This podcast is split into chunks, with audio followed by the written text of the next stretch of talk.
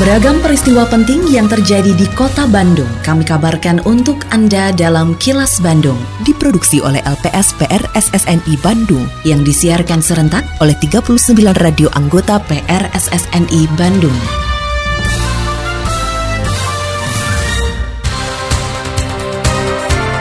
Sejumlah informasi aktual kami hadirkan untuk Anda dan inilah informasi utamanya. PPDB Jabar 2023 resmi diluncurkan. Provinsi Jawa Barat meraih WTP untuk yang ke-12 kalinya. Pekerja migran Indonesia harus dimuliakan. Saya Yudi Dirgantara inilah kilas Bandung selengkapnya.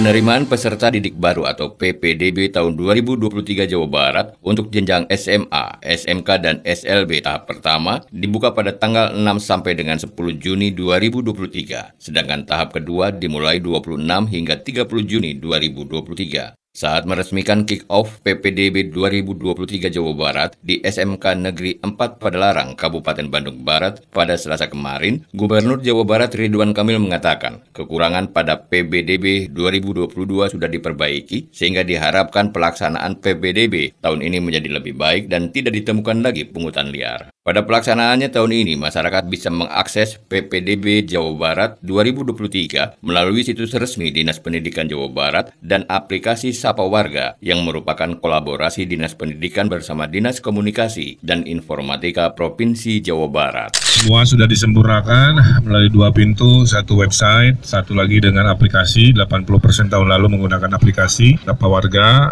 Hal-hal yang kurang di tahun lalu terus kita sempurnakan dan hal-hal baik yang sudah bagus di tahun lalu tentu kita pertahankan. Mudah-mudahan tahun ini makin sempurna, berkurang segala dinamikanya dan pada dasarnya semua difasilitasi. Tapi saya titip tidak mungkin semuanya diterima di negeri kan, sehingga keseimbangan dengan sekolah-sekolah swasta juga terus kita perhatikan. Yang penting semua anak Jawa Barat harus sekolah. Mekanisme dan prosentase kuota siswa yang diterima pada pelaksanaan penerimaan peserta didik baru atau PPDB tingkat SMA sederajat tahun ini tidak berbeda dibandingkan tahun lalu. Kepala Dinas Pendidikan Provinsi Jawa Barat Wahyu Wijaya mengatakan pendaftaran PPDB 2023 bisa dilakukan melalui situs resmi Dinas Pendidikan Provinsi Jawa Barat dan aplikasi Sapa Warga. Wahyu berharap dengan tersedianya fasilitas pendaftaran secara daring melalui situs dan aplikasi bisa lebih memudahkan masyarakat. Meski begitu, masyarakat yang berada di kawasan blank spot bisa mendaftar dengan datang langsung ke sekolah tujuan. Jadi tahap satu itu ada afirmasi, kemudian ada perpindahan tugas, kemudian ada prestasi. Di tahap kedua untuk jonasinya, persentase masih relatif sama dengan yang kemarin. Jonasi 50% gitu itu masih sama dengan yang kemarin. Ada yang blank spot, kita menyiapkan offline. Jadi masyarakat bisa hadir langsung ke sekolah. Jadi bisa langsung nanti sekolah yang memfasilitasi untuk pendaftaran. Kalau misalnya melihat kepada tahun yang lalu, negeri itu di 297 ribu, kemudian secara keseluruhan dengan swasta itu di 655 ribu. Gitu. Nah sekarang insya Allah tidak akan terlalu jauh berbeda dari data yang tahun yang lalu.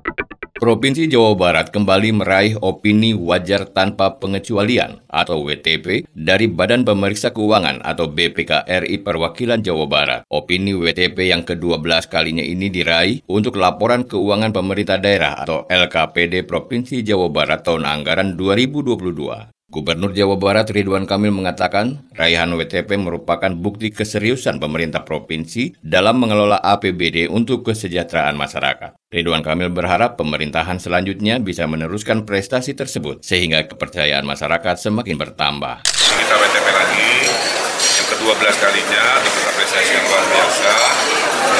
Ada hal-hal kecil yang tidak lanjuti, tapi tidak uh, mempengaruhi opini WTP ini. Ini hadiah dari jabatan saya, mudah-mudahan diapresiasi oleh warga juga bahwa setiap rupiah yang kita rencanakan, belanjakan itu sudah sesuai dengan ketentuan dan demi kesejahteraan warga tidak ada hal-hal yang merugikan ya. Mudah-mudahan uh, PJ Gubernur yang selanjutnya juga bisa mempertahankan kualitas pembangunan dan anggaran di. Suara Ketua DPRD Kota Bandung dan politisi PKS Teddy Rusmawan. DPRD Kota Bandung mendukung akan dibukanya kembali Car Free Day atau CFD di Kota Bandung. Ketua DPRD Kota Bandung Teddy Rusmawan berharap masyarakat dapat memanfaatkan CFD untuk kegiatan olahraga, interaksi sosial, dan aktivitas positif lainnya. Politisi PKS ini menyarankan agar CFD berlangsung tertib, nyaman, dan lancar. Pihaknya mendorong pemerintah kota untuk berkoordinasi dengan instansi terkait seperti polisi dan TNI sehingga pelaksanaan CFD sesuai dengan tujuan yang diharapkan. Selain itu, masyarakat dihimbau menjaga kebersihan dan tidak melakukan kegiatan yang kontraproduktif. Kami DPRD Kota Bandung mendukung dibukanya kembali kegiatan Car Free Day khususnya di kawasan Dago. Semoga kegiatan Car Free Day ini bisa dimanfaatkan oleh masyarakat untuk berolahraga, kemudian berinteraksi sosial dan kegiatan positif lainnya. Agar Car Free Day ini berlangsung dengan tertib, nyaman, dan lancar, kami mendorong pemerintah kota Bandung untuk terus berkomunikasi dengan Polrestabes, dengan Kodim 0618, maupun juga dengan Dishub Kota Bandung dan Satpol PP. Sehingga kegiatan ini akan lebih tertib dan sesuai dengan tujuan yang diharapkan. Hal-hal lainnya juga tentu kami berharap sekali kepada masyarakat agar tidak membuang sampah sembarangan dan juga tidak ada kegiatan-kegiatan yang kontraproduktif tentunya dengan kegiatan Car Free Day ini. Kini, audio podcast siaran Kilas Bandung dan berbagai informasi menarik lainnya bisa Anda akses di laman kilasbandungnews.com. Kebutuhan perawat bagi kalangan lansia atau caregiver di Jepang terus meningkat seiring dengan jumlah populasi lansia di Jepang. Vice President Lembaga Pelatihan Jepang WIN Indonesia, Dendi Muhammad mengatakan, tenaga kerja atau sumber daya manusia untuk mengurus para lansia di Jepang sangat kurang. Oleh karenanya, pihaknya mendorong masyarakat untuk memanfaatkan peluang tersebut, apalagi penghasilannya cukup besar. Menurutnya, syarat untuk menjadi caregiver di Jepang adalah berusia di bawah 30 tahun dan tidak memiliki penyakit kronis karena mereka akan mengurus lansia. Kebutuhan akan tenaga kerja perawat lansia ini termasuk salah satu yang paling besar. Karena seperti kita ketahui, bina-bina penduduk di Jepang itu sudah semakin terbalik ya, di mana senior dan lansia ini semakin banyak sehingga dibutuhkan tenaga kerja untuk merawat mereka. Dan rumah sakit khusus lansia di sana itu fasilitasnya sangat lengkap ya, dan supportnya dari pemerintah pun besar dan dibutuhkan banyak tenaga kerja kerja. Special Skill Worker ini adalah program dari pemerintah Jepang untuk merekrut pegawai-pegawai pekerja-pekerja yang mempunyai skill. Programnya ini selama lima tahun kontraknya, nah nanti bisa diperpanjang Pak. Pekerja migran Indonesia harus dimuliakan karena selain menjadi pejuang ekonomi, mereka juga merupakan duta bangsa Indonesia di luar negeri. Kepala Badan Perlindungan Pekerja Migran Indonesia atau BP2MI, Beni Ramdhani mengatakan, saat ini ada sekitar 4 juta lebih pekerja migran Indonesia yang bekerja di berbagai negara. Menurut Beni, BP2MI memperlakukan mereka dengan baik dari mulai berangkat hingga kepulangan. Sejumlah fasilitas yang disediakan pemerintah melalui BP2MI antara lain layanan khusus di bandara, membekali mereka dengan kredensial letter dan penyediaan cicilan rumah. Dan berbagai bentuk fasilitas istimewa sedang dan juga akan terus dihadirkan untuk pekerja migran Indonesia. Apa sih sekarang fasilitas yang disiapkan untuk PMI? Kita buka satu persatu. PMI yang akan berangkat sekarang di bandara punya lounge tersebut sendiri. Loan khusus Bapak-bapak, 8 bandara internasional loan khusus untuk pekerja migran Indonesia. PMI sekarang tidak boleh dicampur dengan penumpang umum, tidak akan pernah mengalami berdesak-desakan karena antrian panjang, sederajat dengan ofisial diplomatik, PMI sekarang diberikan fast track jalur khusus untuk pekerja migran Indonesia.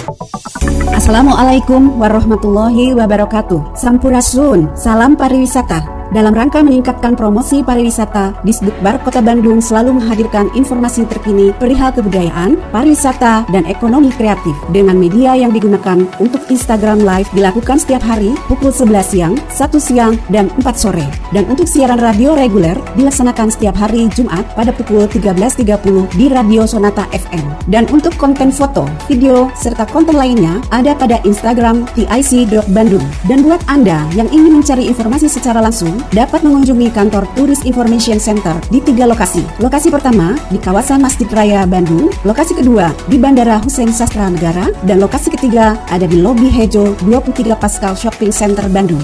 Mari dukung kemajuan pariwisata di Kota Bandung dengan follow Instagram tic.bandung. Hatur nuhun. Wassalamualaikum warahmatullahi wabarakatuh.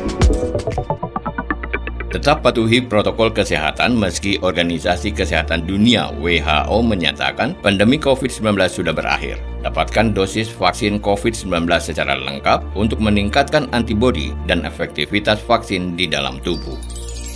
Terima kasih Anda telah menyimak kilas Bandung yang diproduksi oleh LPSPR SSNI Bandung.